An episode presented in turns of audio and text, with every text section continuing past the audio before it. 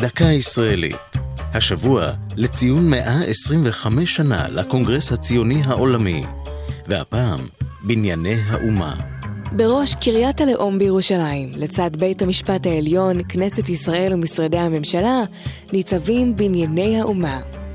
ברוח ימי בניית הארץ והלאום, חברו הסוכנות היהודית, קק"ל והחברה הכלכלית לפיתוח ירושלים להקים בבירה מרכז שיערך כינוסים בינלאומיים, עצרות ותערוכות, ויעצים את ירושלים כמרכז ישראלי ותרבותי.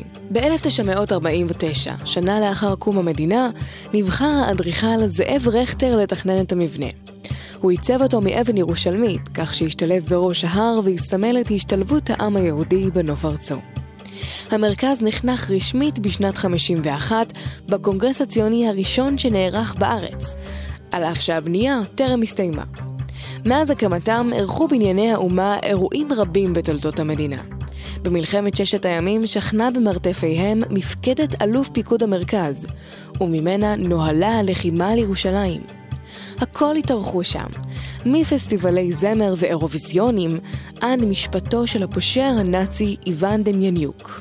בנייני האומה משמשים עד היום משכנם הקבוע של כנסי הקונגרס הציוני. הקונגרס מקפיד לאחד אחת לחמש שנים את נציגי העם היהודי מרחבי העולם, על אף שאיבד מעט מחשיבותו מאז הקמת המדינה.